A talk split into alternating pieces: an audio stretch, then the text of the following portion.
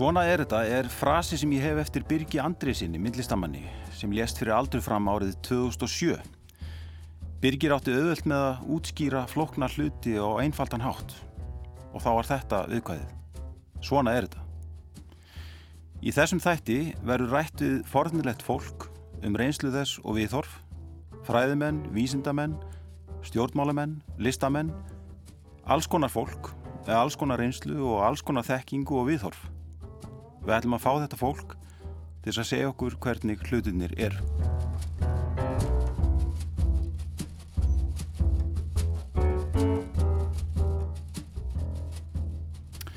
Kæru lustendur, velkomnir í þáttinn Svona er þetta. Ég heiti Þröstur Helgason og viðmælindi minn er Eiríkur Bergmann, einn af áhugaverðustu stjórnmálafræðingum landsins síðustu ár. Eirikur hefur verið tíður gestur í fjölmiðlum þar sem hann hefur fjallað um bæði íslensk stjórnmál og pólitíska hræringar og alþjóðlegum vettvangi og yðurlega hefur hann vakið aðtegli mína fyrir forvittnilegt sjónarhorn og hæfileika til þess að setja samtíma viðburði, ströyma og stefnur í sögulegt og hugmyndalegt samengi. Eirikur hefur gefið út fjölda bóka um rannsóknum sínur á stjórnmálum en á undanförnum árum hefur hann beint sjónum sínum sérstaklega þjóðirnisíkju og populisma. Nýjasta rittans kom út á ennsku í júni á þessu ári hjá því virta forlagi Palgrave Macmillan og nefnist Neo-Nationalism The Rise of Nativist Populism sem mætti á íslensku kalla ný þjóðurnisíkja Rís þjóðurnispopulisma Í bókinni lýsir Eiríkur þróun og uppgangi populisma frá lokum setni heimstýrjaldar til okkar daga í alþjóðlegu ljósi og á köplum er það satt að segja sláandi lestur ekki síst þegar kemur að þróuninni allra síðustu ár.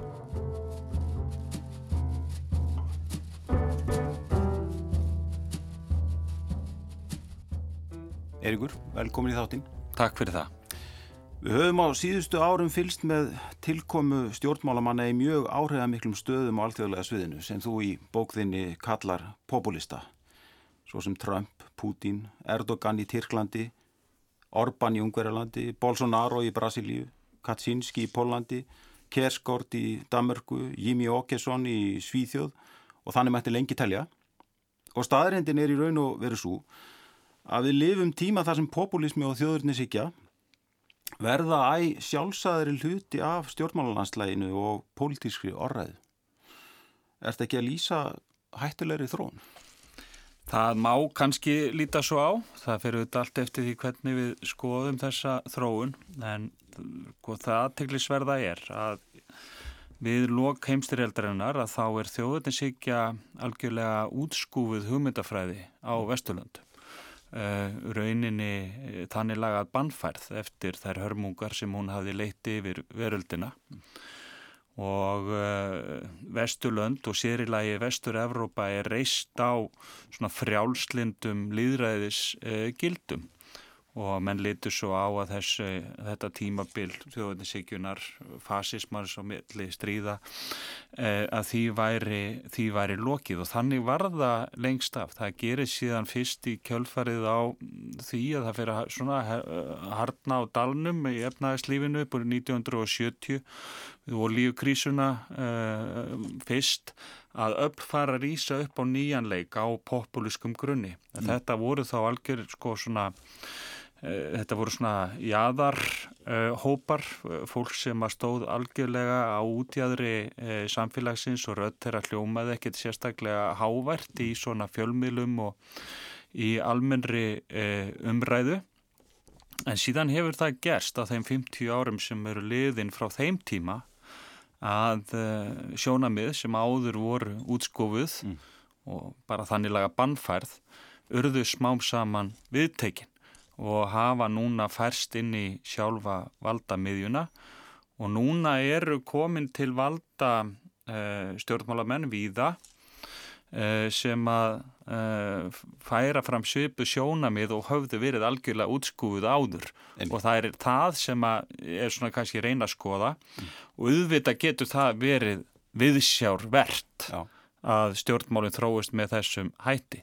Og það er kannski svona engum og sérilagi í þessu sko um, endurkasti tímans sem að maður svona átt að sé á því. Já, Þú nefnir hérna millistrís árin Já Sko, er ekkert að segja að, ástandið í alþjóðleiri pólitík og humundafræði e, nú, nú á dögum sé mm. með einhverjum hætti sambaralegt til það sem gerðist á millsísárunum e, svona að breytu breyndunda Sko, það eru þræðir úr uh, svona henni herská þjó, þjóðutisíkjum millisturísárana sem umpólaðist yfir í fasismann sem hægt er að, að svona um, sína fram á að hafi lifað af og hafi vaksið svona á, á seinustu, seinustu árum. Það er svona ákveðin valdbóðshyggja, mm. uh, hildarhyggja um, sko, um þjóðina, höfnun og markbreytileika, uh, höfnun á svona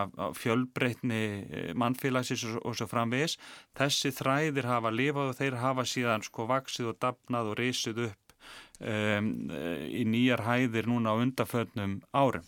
En uh, um leið og, og við sjáum sko þá, þá samsöfurinn eiga sér stað uh, við fascisma millistrísárarna þá er algjör grundvallar munur mm. á þjóðarnispopulistum eftir strísárarna annars vegar og fascistum millistrísárarna hins vegar aðal munurinn fælst í því að þjóðveitnispopulistar okkar tíma þeir hafna ekki líðræðinu sem slíku. Mm. Þeir hins vegar lýsa, stilla sjálfinsir oft sem fram sem svona einhvers konar, sem einhvers konar handhafa almannaviljans að, að sko líðræði flæði einhvern veginn í gegnum þá en þeir hafna ekki líðræðinu eins og fastatnir gerðu. Nei. Benito Mussolini og Ítali hafnaði líðræði. Mm. Eh, það gerði Adolf Hitler líka í Tískalandi og fasismin, fasismin gekk út á það að líðræðið væri ekki heppilið stjórnaform. En, en þeir eru að eiga við líðræðið á einhvern nátt eða minnskust eru einhverja hugmyndur um það að sé verið að... Já, en það er, það má kannski segja að þjóðinspopulistar dagsins í dag að þeir sko stilla sér upp í andstöðu við hinn frjálslenda þátt í hennu frjálslenda líðræði. Menn gleyma því oft að það kerfi sem að reist var hér eftir setni heimstyrjöld á Vesturlöndum það stóð á tveimur jafn gildum stóðum. Mm. Það er annars vegar sko líðræði vissulega í merkingunni hérna, meiri hlutaræði og við gangum til, til kostinga og það verður til einhvers meiri hluta skoðun en samhliða því var hinn frjálslindi partur ofinn inn í þetta kerfi. Þetta var með öðrum orðum ekki bara reynd líðræðiskerfi eins og áður var. Frjálslindi þátturinn, hann lútir að því að vernda einstaklingi borgarana fyrir ofriki meirhlutans þannig að líðræðinu er sett á hvernig skorður með frjálslindinu þess vegna eru við til dæmis með mannréttindi það er mm. ekki hægt að það getur ekki meirhluti kosið frá þér þín personubundnu einstaklingsréttindi eins og mm. bara uh, tjáningafrelsi hérna, ferðafrelsi fundafrelsi og svo framvegis og að þú getur uh, haga þínu lífi eins og, þið, eins og þú sjálfur uh, kýst en það er ekki meira hluti sem getur haft áhrif á það. Þetta er frjálsniti parturinn mm.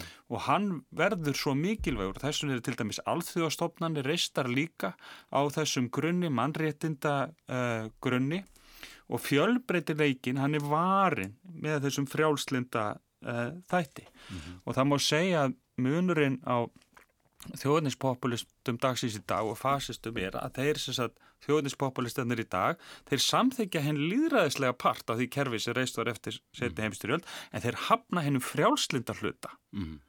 Það er að segja fjölbreytninni, e, réttindum einstaklýsist til þess að vera á skjön við meirhlutavílinn. Mm. Að þú getur lifa þínu lífi í samfélaginu jafnvel þótt að þú sért ekki sko hliðhóllur um, ákvörðun meirhlutans hverju sinni. Já, og við sjáum uh, í svona síu auknum mæli að það er svona tilfinningin að það er ráðist að þessum alþjóðastofnunum sem Já. eiga að gæta þessar réttinda Já. fólks í alþjóða heims. Akkurat og það er það sem að gerist og þetta er þetta er munurinn í rauninni uh, í svona grófum dráttum en mm, þetta er auðvitað markvallt og miklu meira flóknara en það Já. en í grófum dráttum má skipta þessu svona upp. En þessi hópur sem ég nefndi hérna í upphæði sem ég taldi upp Trump og Putin og Erdogan mm. og Orban og allir þessir uh, þetta er ekki alveg einslitur hópur Nei, og það er annað sem að gera þetta viðfóksefni svo heillandi er hversu sko viðfemt felti þetta er populismin og þjóðunisíkjan er mjög viðfem kirkja og innan þessa, innan þessa mengis rúmast sko öll sem eru mjög uh, innbyrðis ólík. Mm. Sér, við sjáum það til dæmis í yfirstandandi krísu núna, þessari uh, koronaveiru krísu, að uh, þjóðnispopulistanir sem hafa, við höfum sett inn í þetta uh, fræðilega mengi, að þeir hafa hagað sér með, með svona misjöfnum hætti. Uh, til að mynda haf, eru þarna Eh, svona skýr valdbóðsöfl sem eru þá líkar í fasisma fyrir tíma og þau hafa, eru mörg hver til að mynda í Östur-Európu sem hafa notvært sér þetta ástand til þess að sópa enn meiri völdum í eigin hendur Uh, hafa enn styrkari stjórn á sínum samfélagum heldur en áður var, við hefum segjað til dæmis eins og Orban í Ungverjalandi. Sem að eh, sem segja, náði fram uh, breytingu sem gerir honum kleift að stjórna bara með tilskipunum. Einmitt, Núna í, í sambandi við COVID-farandrin Já, Já, akkurat. Og það svipaður upp á tegningnum í, í Rúslandi mm. og við hefum séð uh, svona tilburði í, sam, í sömu áttu líka í, í Pólandi en svo ertu með aðra uh, populista sem að hafa alls ekki dreint að notfæri sér þetta ástand til þess að að, að sópa meiri völdum í sínar hendur eins og til að mynda Donald Trump í bandaríkjónum mm. og Jair Bolsonaro í, í Brasilíu. Þetta eru menn sem hafa miklu frekar sko reynda að svona kenna öðrum um ófæriðnar mm. fremur heldur en að notfæra sér þær til þess að til sko eigin, eigin valdbeitingar. En báðir e, þessir hópar, þessir þjóðnispopulistar, þeir eru sem sagt Eh, það er svona samilit enginni á, á öllum, öllum þessum hóp að beita ekki svona þessum eh, hefbundnu stjórntækjum uh, þjóðfélaga okkar tíðar sem að byggja á frálslendu líðræði fagmennsku, sérfræðinga, mm. veldi og svo framvegis heldur fara fram eiginlega bara að eigin geðþóta ef að, ef að svo má segja og þá fyrir eftir því hvernig þeir eru innréttaðir hvort þeir vilji notfæra sér ástandi til þess að, að uh, grýpa enn uh, fastar um valdatöymana eða þá að, að hérna að kenna bara öðrum um og láta reyka á reyðanum eins og sumstæðar hefur verið gert. Einmitt. Uh, Þannig að þetta er að mörguleiti anstaðan líka við heið faglega. Já við þekkinguna, við svona uh, uppbyggingu uh, nútíma samfélaga og, og, og svona það kerfi sem við höfum byggt hér. Einmitt. Við skoðum bæði þjóðurnisíkin og populisman betur hér á eftir en mér langar kannski fyrst til þess að kynnast þér aðeins betur. Þú ert professor í stjórnmálafræði við háskólan á Bifröst. Mm. Þú læri stjórnmálafræði við Kaupanarhafnar háskóla á tíunda áratögnum. Mm -hmm og varði svo doktorsveiki við Háskólu Íslands árið 2009 í sama fæi. Um hvað skrifaður þar? Ég skrifaði í rauninni um, um skona, þjóðernis hugmyndir sem að hafa byrst á Íslandi í uh, umræðinni um tengslokkar við Evrópusambandið Já. og hérna uh, Evrópusamrunan, fyrst EFTA samningin og EES og síðan Evrópusambands aðildar umræðina. Já. Hva, af hverju valdur í stjórnmálfræði sem sem þína grein? Já, það er stórti spurt. Ég reyndar sko hófnámi Háskóla Íslands fyrst í félagsræði Já. en skipti sér strax bara þarna fyrst, fyrst, eftir fyrstu önn yfir í stjórnmálafræðina. Var það, var það áhuga á stjórnmálum eða? Já, ég, sko ég er alveg upp við mikla stjórnmála umræðu mm og ég hugsa að ég hafi alltaf haft gríðarlega mikinn áhuga á þjóðfélagsmálum. Ég er náttúrulega kaldastriðspann og hérna ólst upp við e, þá heimsmynd og stöðugt e, yfir vofandi kjarnorku styrjöld Jú, og ég hafði held ég strax frá upphafi gríðarlegan áhuga á svona heimsveldapólitík. Eitthvað neginn Varstu, varstu pólitískur sem svona unglingur og ungum aður? Já, þetta er reyndar erfitt hugtak, hvað já, er að vera já. pólitískur, sko. Já, Varstu held... virkur í stjórnmálum? Já, ég gekk, eh, sko, ég hafði nú verið skráður í sjálfstæðisflokkin og tók nú ekki mikinn þátt í starfi þar en síðan gekk í allþýðiflokkin á sín tíma á, á stúdents uh, árum um, en uh, ég held ég hafi kosið eina fjóra eða fimm stjórnmálaflokka gegnum, gegnum tíðina. Þannig að ég er svona pólitískur sveimhugi einhverju leiti þráttur að ég sé frekar pólitískur þannig lagað sko. Já. En er, ertu pólitískur núna, myndir þú segja það? Eða, Nei, hvernig er, er það með stjórnmálafræðinga? Er, ég er ekki skoðan Er óæskilegt að þið séu pólitískir eða virkir í Nei, nei, sko, þetta getur, sko, það fyrir auðvitað eftir hvernig það er gert. Eða þú ert, það er hins vegar flókið eh, oft að greina hluti sem að þú ert sjálfur þáttakandi í. Þannig að ég myndi segja að það fari kannski ekki sérstaklega vel á því að menn séu miklir þáttakendur mm. í stjórnmálum sem þeir sjálfur síðan uh, eiga að vinna við að greina. Það er kannski, en það er, allir hafa sínar skoðanir og það er engin hlutlaus og stjórnmálafræðingar þeir þurfa líka að gera pugsin og kjósa stjórnmálaflokka, svo dæmis þið teki, en sko, ég held ég hef alltaf heitlast bara hugmyndafræði, en að þessu leiti til sko er ég kannski eitthvað klófin personleiki því ég get heitlast af bara hugmyndafræðinni sem slíngri á þess að aðhyllast hana endilega, ef þú skilur já, hvað já, já. já við sko mm -hmm. einhver tíman þá held ég að ég væri sko anakisti en hérna það er bara því ég heitlaðist að hugmyndaheiminum og, og, og svona fræðunum og skrifunum í kringum það En ég líka sko, get líka heitlast að bara skrifum Karl Marx og þeirri hérna, þeim svona kommunísku og sósíalísku hugmyndir sem þar voru Já. á sama tíma og ég er sko, þú veist, aðdáandi Adam Smith Já og finnst hérna verk hans sem er eiginlega grunnur stjórnmálafræðinar mm. að mörguleiti og það sér það hver helvita maður að þetta gengur ekki upp allt saman inn, eh, hérna, inn í ein á, einum og sama manninum Nei.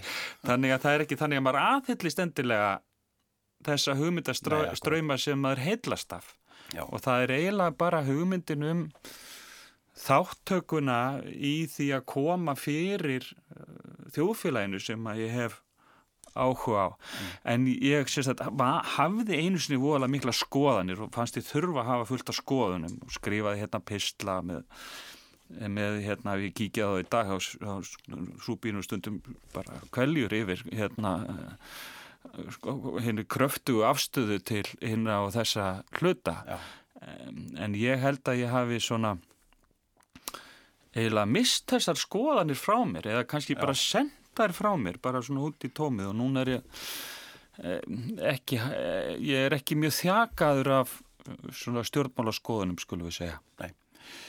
Við skulum viki okkur að bókinni sem er nú megin atriði í þessu samtali mm -hmm. og sko yfirtillin er ný þjóðverðnisíkja mm -hmm. eða neonationalismi. Hvað áttu við þar? Já, þetta hugtak er tilraun til þess að greina þjóðverðnisíkju eftir strísárana mm.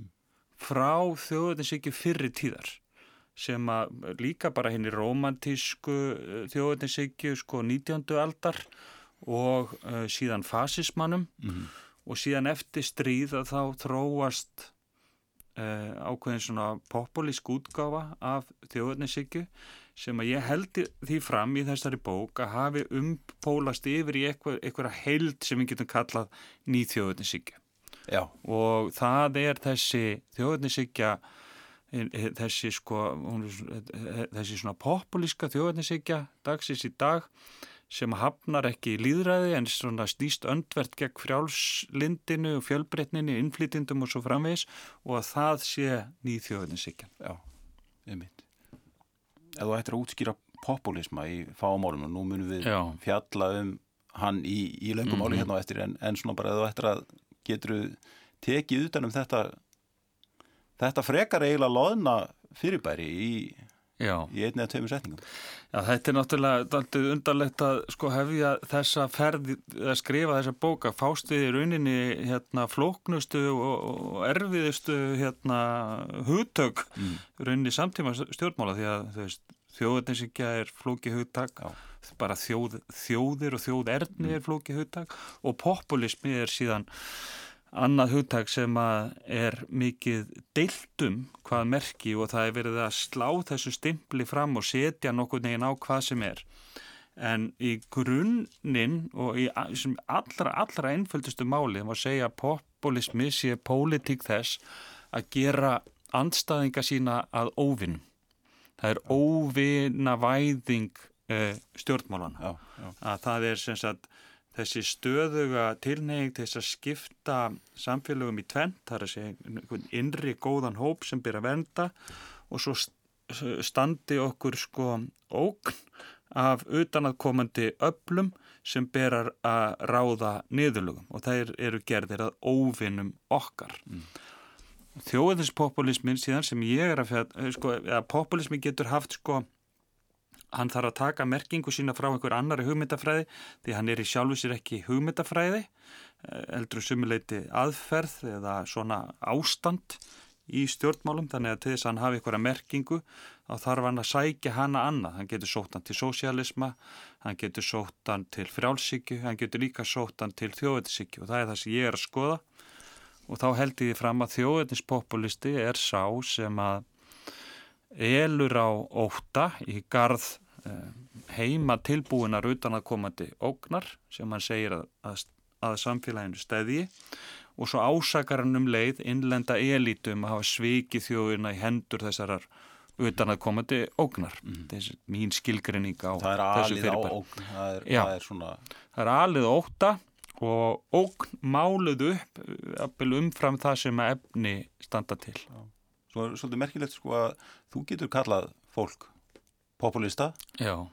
það eru mjög fáur og ég vil enginn sem kallar sér sjálfan. Já, það, það er eitt af því sem ég er að reyna að ræða í þessari bók hérna að við erum að fjalla um pólitískan stimpil sem er í eðlisínu neikvæður mm. og það er maður að vara sig mm. á því hvernig maður beitir honum. Mm. Það er ekki að beita honum eins og kannski öðrum pólitísku merkimiðum eins og sosialisma eða eða feminista kalla sér feminista og, og svo frammeðis og, og, og þjóðnisinnar kalla sér þjóðnisinnar en hérna en það eru fáir sem kalla sér populista. Mm. nema Tíma og Sonni í, hérna, í Finnlandi. Já, já, já. hérna formaður fyrirvændi formaður Sannfinnana hann hafi skrifað mastersýtt getum populisma áður en hann gerði síðan sjálfur populisti heima fyrir og, og skreyti sér með þessum stimpli og bar hann eins og bara hérna, barmerki.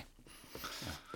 en þannig, en já, það er rétt að við erum að fjalla um pólitík sem að flestir telja neikvæða. Já, þú segir í bókinu að populismi hafi oft verið skilgreitnum sem sjúklegt ástand eh, ef ég skilða rétt, en það verður en sko það verður meira hluti að finna almennu pólitísku orðræðu Já, Þa, hann hefur verið normalíserað eða hvað? Ég er þarna rauninni að gaggrína suma af uh, forverum mínum á þessu fræða sviði sem að hafa viljað jaðar setja populisman sem konar eitthvað óbóðlegt uh, svona óbó, óbóðlega viti í stjórnmálunum sem einmitt einhvers konar sjúglegt ástand, einhverja andstigð eða eitthvað, eitthvað þessartar sem að beri bara að íta út af borðinu og, og rauninni að, að, hérna, að afgreða sem óalandi og óferjandi. Mm -hmm. Ég syns að teldi fram í þessari bók að það sé ekki hægt að gera það. Mm. Populismi sé einfallega svo uh, viðtækur í stjórnmálanum að við verðum að taka hann bara eins og hann kemur ekki fyrir og getum ekki afgreittan í burtu með einhverjum slíkum uh, aðferðum. Um, og svo held ég því líka fram að fyrir ákveðna hópa í þjóðfélaginu þá getur bara einfallega verið skinsamlegt að beita populískum uh, aðferðum. Mm.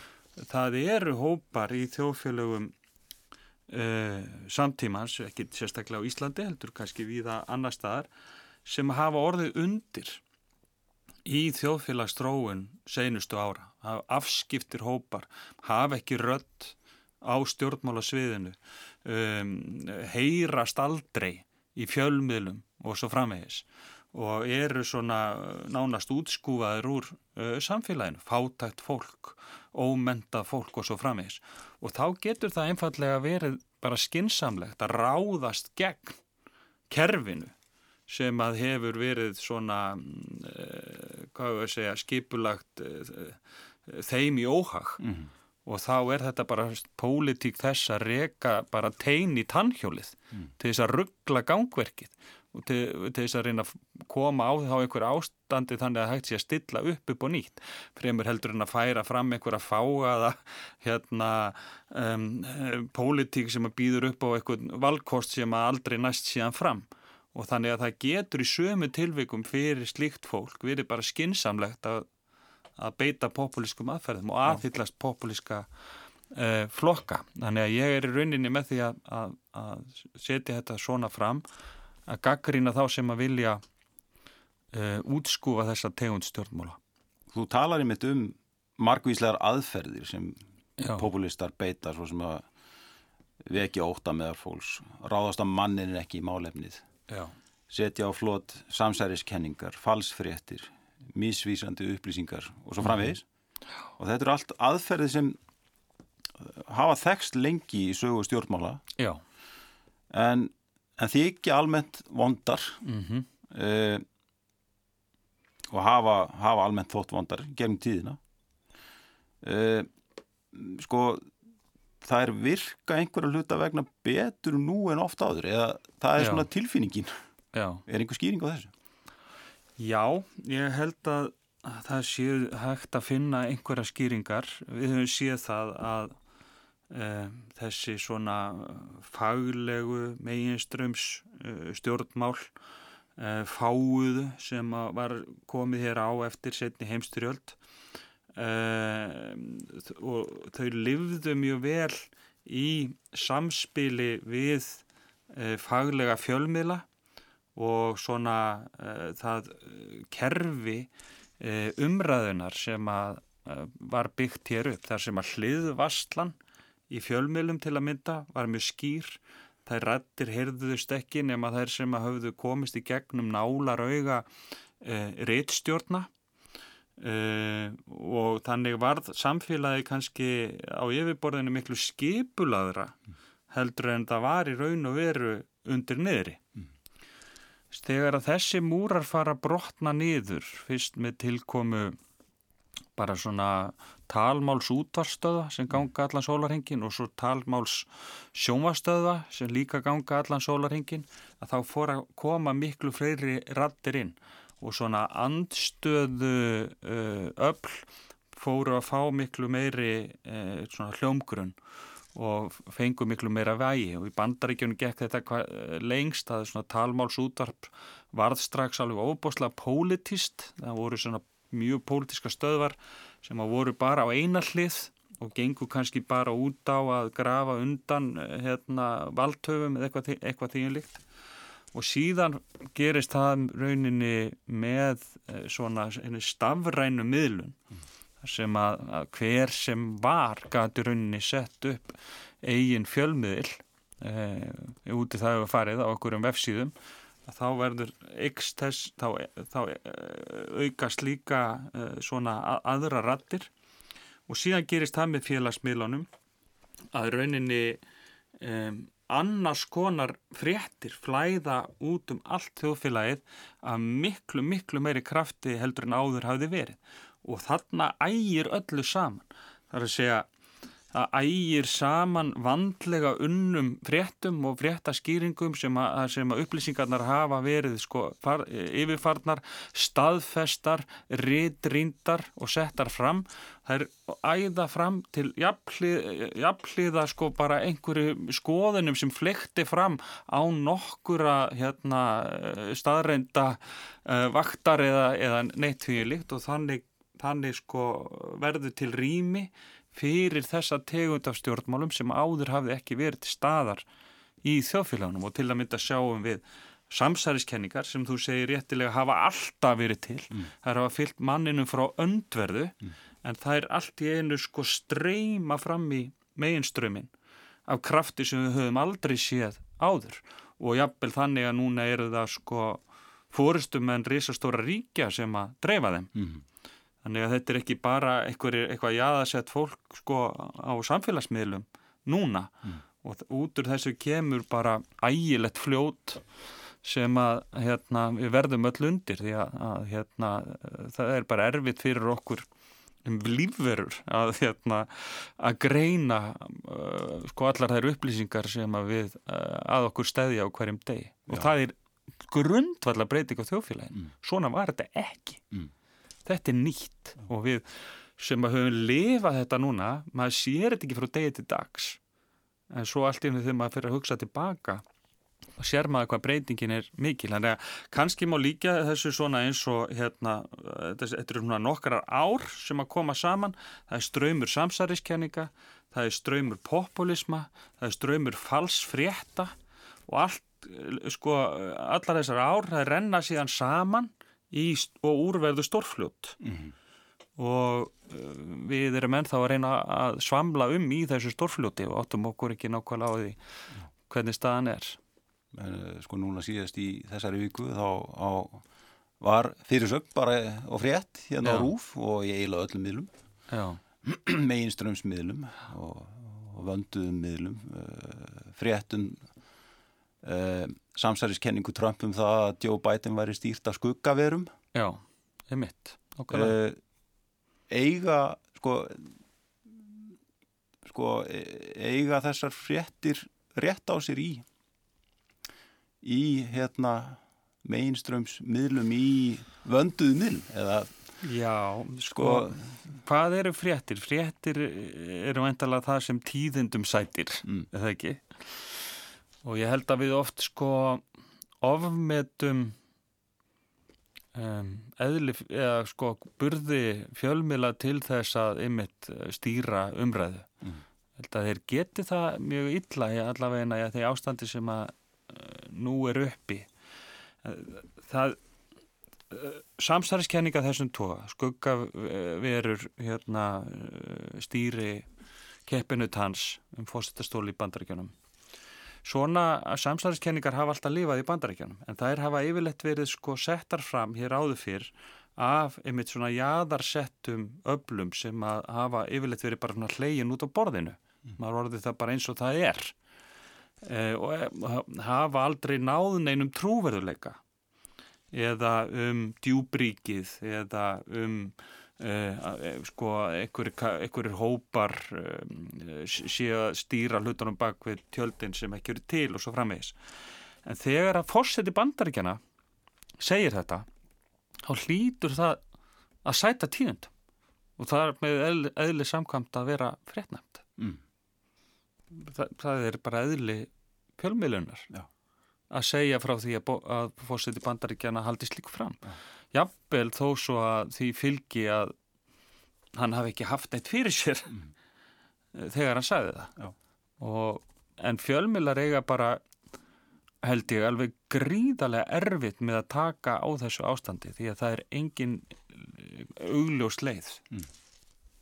þú kallar Trump bullara hann er, hann er svo tegund af hérna af, af populista sem að sem bullar Já, það hann er sko... umgengst sannleikan af, af svona ákveðinni léttúð segir, Já. við, og, og uh, en ef ég skilði rétt að þá er hann ekki svona yfirvegaður lígari eða Já, það er eiginlega sko eitt af því sem að maður sér við populista dagsins í dag uh, og Trump er einhvers konar erki þetta, að það er ekki endilega sko ætlunin með því að færa fram uh, upplýsingar sem ekki eru réttar þe- þeim er ekki ætlað að endilega að vera lígi sem að ætlast til að fólk trúi Þess að það er ekki verið endilega að reyna að sannfæra fólk um að eitthvað annað uh, sé rétt heldur en það sem að staðrendir sína fram á. Það er ekki verið að ljúa einhverju uh, annars konar uh, útgáfu af uh, atbyrði eða ástandi heldur en er raunverulegt. Heldur er einfallega bara verið að bulla. Það er bara verið að hérna, búa til annars konar upplýsingar um bara hvað sem er. Uh, þannig að það sé einfallega hægt að að sko ruggla fólk í rýminu þannig að það átti sig ekki lengur á því ástand, hvernig ástandið er fremur heldur en að trúi einhverju tilteknu öðru.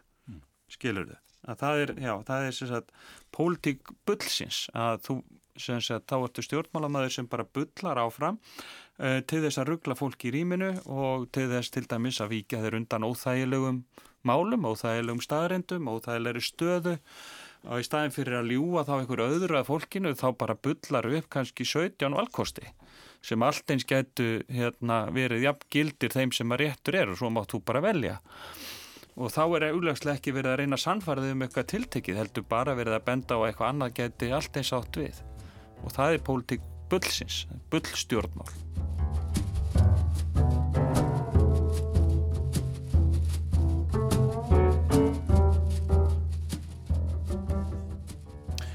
Kæru lusnendur, ég heiti Þraustur Helgason og þið eru að hlusta á þáttinn Svona er þetta og gestum minn í dag er Eiríku Bergmann, stjórnmálafræðingur sem í sumar sendi frá sér bók um nýþjóðirnisíkju og uppgang populisma í vestrænum stjórnmálum frá lokum setna stríðs til okkar daga.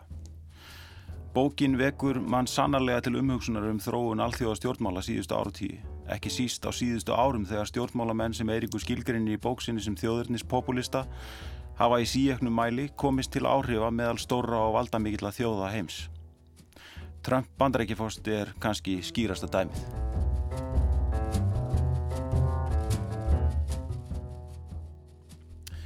En sem sagt, Eiríkur, þetta er þróun sem hefur átt sér stað frá því upp úr setna stríðu og þú sérði í raun þrjú skeið þjóðurnispopulisma á þessu tímafili.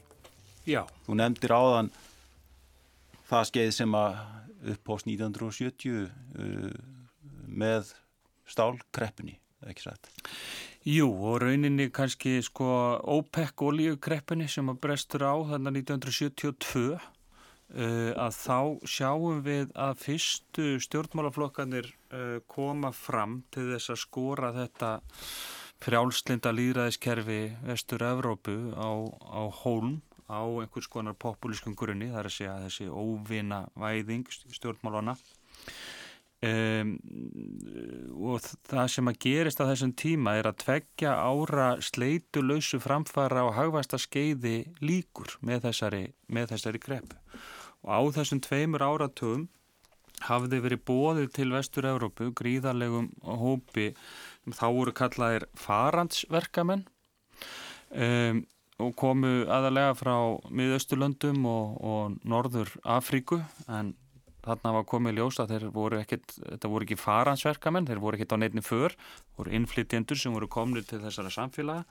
Og það sem gerist er að það fara að rýsa í fyrsta sinn upp uh, flokkar sem eru ansnúnir þessum nýkomna hópi mm. í Vestur-Európa og menn gleima því stundum að þetta fólk var bóðið til Vestur-Európa, það voru settar upp bara ráðningaskrifstofur nánast í miðausturlöndum og norður Afríku til þess að fá vinnufúsar hendur til þess að mm. hjálpa til við uppbygginguna eftir stríð og þetta var gríðarlegur uppgangstími og fremstur í flokki fyrstur inn á þetta svið sem einhvers konar uh, afla á, á, á landsvísu er Jean-Marie Le Pen sem mm. að fer fyrir þjóðarfylkingunni í Fraklandi um, og síðan sjáum við menni svo Móens Glistrup í Danmörku fyrir framfaraflokkin þar og svo Annes Lange í Noregi og úr verður framfaraflokkurinn þar líka aðeins setna og þetta eru stjórnmálamenn sem eru á jæðrinum og skora megistrumskerfið á hól með þessum uh, tvíþætti. Það er annars vegar að benda á hérna utanaðkomandi óg sem eru innflytjandunir sem koma til landsins en ekki síður og þarna framan af einbeituður sér miklu frekar að því að benda á hérna sveiksömu elitu að elitin hafi svikið þjóðina í hendur hinnar utanaðkomandi uh, ógnar og þessir menn voru svona, þetta voru frjálsíkju stjórnmálamenn, þeir börðu skegg skattheimtu Um, til að mynda sko Móins Glistrup saði sko að, að, að skattsvík væri rauninni bara mannréttindi. Mm. að maður ætti að síkja undan skatti sko og skattheimtan væri rauninni óheimil. Og þannig að, að þetta voru þannig uh, náungar. En þeir sko þetta voru svona skrautfuglar, háðfuglar. Mm þeir, hérna, þeir gerðu ekki tilkall til þess að vera teknir sko inn sem svona einhvers konar trúverðugt uh, stjórnmálaafl sem að nýti e, trösts og, og, og, og gæti tekið þátt í stjórnmálunum e, til apfætis við, við aðra. Mm. Þetta sko, um, Móðans Glístrup myndir snúa sér við í gröfinni ef hann er því talin meðal hefbundina stjórnmálamanna. Já, Þannig að þeir, það var alls ekki það sem þeir ætluðu sér. Mm. Þeir ætluðu sér aldrei að komast í valda, heldur ætluðu sér bara að, að svona ruggla eins í kerfinu og, og benda á eitthvað sem þeim fannst vera rámt. En síðan svona hjaðnar þessi bilgja eftir því sem að bara svona uh, hagsald rís á, á, á nýjanlegg og það gerir síðan í við rauninu við fall, fall Berlínamúrsins og endalók kommunismans og við ströym uh, sagt, uh, fólks uh, sem sóti sér vinnu austan úr álfi og vestur yfir að svona stjórnmála höfn fara að rýsa upp á ný og þau eru svo litið frábröðin þessum fyrstu þjóðuninspopulistum þess að tala um annað skeið eða mm. önnur bilgja þjóðuninshyggjunar hafi risið í kjölfarið á falli Berlínamúsins og þarna eru sko standa í stafni eh, náungar eins og Jörg Hæder í Östuríki eh, sem að eh, beitti sér mjög gegn einflytjendum á þjóðnispopulískum eh, grundvelli. Hann fór til dæmi sem að eh, upphefja eh, þátt Östuríkismanna í, í stríðinu við hlið nazista, afmá ímislegt svona sem að hafði verið talið blettur á, á, hérna, eh, á sögu Östuríkis. Sama gerir síðan Silvio Berlusconi í rauninni á, á, Ítalíu sem að kemst þarna til valda og þetta eru svona þessi tegund af uh, stjórnmálamönnum að þeir eru samt sko tráðfrið þeir náðu miklu meiri árangri í, og komið svona til valda svona hér og þar að einhverju leiti þá eru samt rábrunir eh, hinnum fyrri eh, og líka þeim sem að síðar komu í þriðju bylginni mm. sko í annari bylginni þá má segja sko að þjóðnispopulismi magnist síðan aftur við árásina tvíburatörnana 2001 og það verður svona meiri valdbóðshyggja og síðan fara svona öll að þróast líka öst, í Östur-Európu. Þar hefðu öll þessi ríki sem að verður nýfrjáls fallberðina músins haft sko, voru svona hraðfara för til eh, vestræns markasbúskap sem er til að fara alveg bara öndvert yfir frá kommunismu yfir í mjög harða svona frjálsíkju skotna stjórn. Mm En síðan gerist það samt einhvern veginn að þetta, þessi bylgja hjaðnar og svo rísu þriðja upp á uh, svona öldu toppi e, fjármálakreppunar. Mm. Ef að hægt er að tala um öldu topp kreppu, já, já, kannski ekki alveg upp. en hérna við fjármálakreppuna 2008 að þá rís þessi þriðja bylgja og hún er eðli sínu mjög frábriðin hennum fyrri tveim að því leiti að það, nú er þetta ekki lengur bara jæðarstjórnmálamenn sem er að skora kerfið á hólm utan af istakanti heldur faraðir að gera tilkall til þess að vera teknir alvarlegra mm. í stjórnmálaumræðinni og þeir einfallega fara að komast til valda mjög víða. Sko í Dammörk er gott dæmi þegar þar höfðu þjóðinnispopulistar í gegnum í rauninni allar þess að þrjár bylgjur smám saman sópast til sín áhrifum og rauninni náð tökum á þjóðmála umræðin í Danmarku þannig að hún fór mjög miklu leiti að litast af þjóðnispopulisma danska þjóðaflokksins eh, en í gegnum þessar þrjár bylgjur eða þrjú skeið eins og þú kalla að þá sko ná þessi öll alltaf meiri og meiri árangri og komast alltaf lengra og lengra inn í valdamiðjuna þar til að í dag getur við sagt að stjórnmálinn sko einkennist að stórum hluta af þessari tegund stjórnmála. Einmitt. Og maður sko, þegar maður lesa þessa greiningu þína mm. í þessum þremur megin köplum bókarinnar þá fær maður það mjög sterk tilfýningur að þetta stigmagnist, þetta er það, það sem sé að hérna, ástandið sé alltaf að verða alvarleira og alvarleira. Já, eða viðteknar og viðteknar. Já, að það. þetta er svo tegund stjórnmála sem að rauninni einkennir um, líf okkar mm. að miklu leiti og þú veist, í bandaríkjanum er komið til valda stjórnmálamæður sem ber öll einkenni þjóðinspopulisma. Mm. Um, er ekki innan úr faglegum stjórnmálum, er utan að komandi eh, áskorandi sem hefur náð inn í sjálft kvítahúsi mm -hmm. og það hefur ákveðin áhrif til að mynda á stöðu bandaríkjana á alþjóðavettvangi, hvernig tekist er á við áskorani sem uppkoma og svo framvegis. Í Evrópu höfum við séð svona stjórnmálaflokkar kannski lengst að vera við völd á Ítalju, Silvio Berlusconi sem ég kalla nú hálfpopulískan, mm. Hann hafði svona aðra vít, hann var ekki bara populískur, hafði líka annars konar vítir, kemur þarna snemma og svo eru populista stjórnir þar víða, eða oft réttar að sagt, ný, nýverið farin frá völdum reyn populista stjórn, tökja populískra flokka og á Norðurlöndunum hefur við séð þessi öll sko vaksa ásmegin og verða eiginlega bara samþygt og viðtekin mm. í flestum þessari ríkja, kannski fyrir utan Svíþjóð þar sem að meginströmsöfn það ekki vilja taka undan tekninguna ekki satt?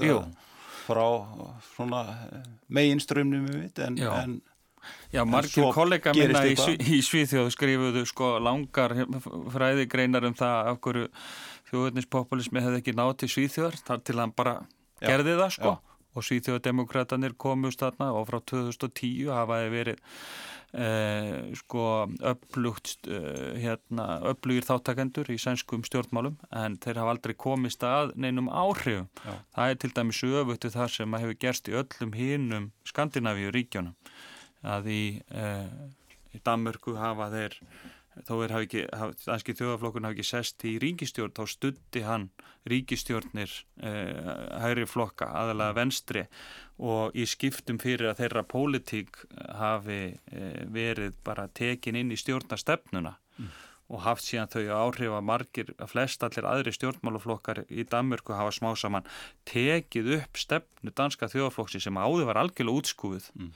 og það er eiginlega það sem ég hef á, mestan áhuga á í þessari skoðun þegar ég flytt til Danmörkur til að fara í námi Kaupnarháskóla í stjórnmálafræðin 1996 ef ég maður rétt þá held ég að ég var að fara í einhvers konar mekka frjálslindisins mm.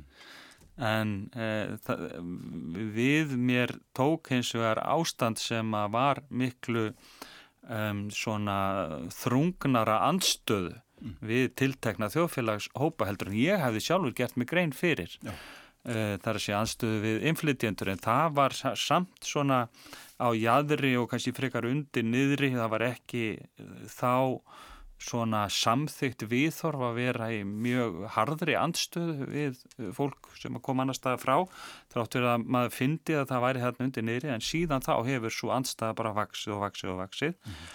þá var algjörlega óhugsandi að stjórnmálaflokkur eins og, eins og sósjaldemokrater gætu tekið upp slíka stefnu sem þeir síðan hafa gert. Uh, og það er þessi þróun sem að mér finnst kannski áhugaverðust að skoða. Gæti það sama gerst hér? Já, það gæti það sama gerst hérna en Þú nefnir ástæði fyrir því að, að þjóðurnis populísmi hafi ekki skoti rótum hér ég hef afgerandi hætti. Og, og í mörgum eða sum nágrann landa okkar? Já, sko ég hef sett fram þrjár ástæður fyrir því af hverju Ísland hefur skorið sig uh, frá. Í fyrsta lagi að þá er sko þjó, hafa þjóðninspopulistar í vestur-Európu komið fram uh, sem áskorendur uh, gegn kerfi sem hefur útskúfað þjóðninsík mm. Um, hér var þjóðninsvíki aldrei útskúið við lók hérna, heimstyrjaldarinnar þá auðvist við sjálfstæði. Og þannig að, að svona mild útgáfa þjóðninsvíki hefur alltaf ríkt á Íslandi. Mm. þannig að það, þú getur ekkert skorað Ísland stjórnmála kerfi á holm mm. á, frá jæðri á þjóðninslegum grunni þegar það rýmir einfallega bara svona eh, mjúka útgáfu af þjóðninsvíki hvortið er. Í öðru lagi að þá hefur þessum flokkum sko gengi best þegar að fyrir þá hefur komið svona kraftmikil karismatískur leðtói mm. og við höfum séð marga svona stjórnmálaflokka eh, svona koma fram á sjónasvið en þeir hafa ekkit endilega verið uh, sérstaklega hefnir með svona leðtóa hvað mm. þetta varðar. Og í þriðja lagi að þá hafa þeir í þriðjubilginni náð þessu mikla árangri út um alla Evrópu engum og sérilagi í anstöðu við innflytjendur af múslinskum uppruna mm. Og staðan er bara önnur hér á Íslandi. Það er hverki til hverfi á Íslandi sem að ber svip mót mið Östurlanda og Norður Afríku mm. eins og þú sérði öllum öðrum vestrænum hérna, ríkjum að það eru slík hverfi til og þráttur að margi kannski reyni þá og það sé ekki alveg útlokað þá er frekar erfitt að vera fyrst og fremst í andstöðu eitthvað sem er ekki til mm. Getur bara verið svolítið svona tilvistalega flókið að reyna það En að, kannski að lokum sko að hvaða leiti erum við er finnum við fyrir þjóðurnispopulism á Íslandi er Já, hann er alveg til staðar eins og allstar annar staðar. Hann hefur hins vegar ekki umpólast í þessa tegund af uh, stjórnmálaflokkum. Þó eru hérna flokkar sem bera einkenni, þjóðurnins populísk einkenni uh, sem að eru uh, svona hálf populísk einkenni sem hafa náð hér bara ágættis uh, hafa náð hér bara ágættis árangri og, og lifað ágætlega í íslensku þjóðfélagi Þannig að það er ekkit útilokað að svona stjórnmála öll nái bara einfallega uh, þeim árangri hér eins og annar staðar. Einmitt. Tímin er að renna frá okkur. Við höfum snert á ansi mörgu sem kemur fram í bókðinu um nýþjóðurnisíki og uppgang þjóðurnispopulisma frá lokum setna stríðs. En í bókin er reyndar fjölmart fleira sem hefði verið gaman að ræða hér og það er alveg ljóst að það er full ástæða til að fylgjast með þróinu þjóðninspopulisma á, á næstu missurum, bæði hérlendis sem erlendis. Það var ákvæmlega ánægilegt og upplýsandi að fá því í þáttin Eiríkur Bergman. Takk fyrir komina. Takk sem er þess. Kæru lusnundur, við verðum hér aftur að vikuleginni. Góða stundir.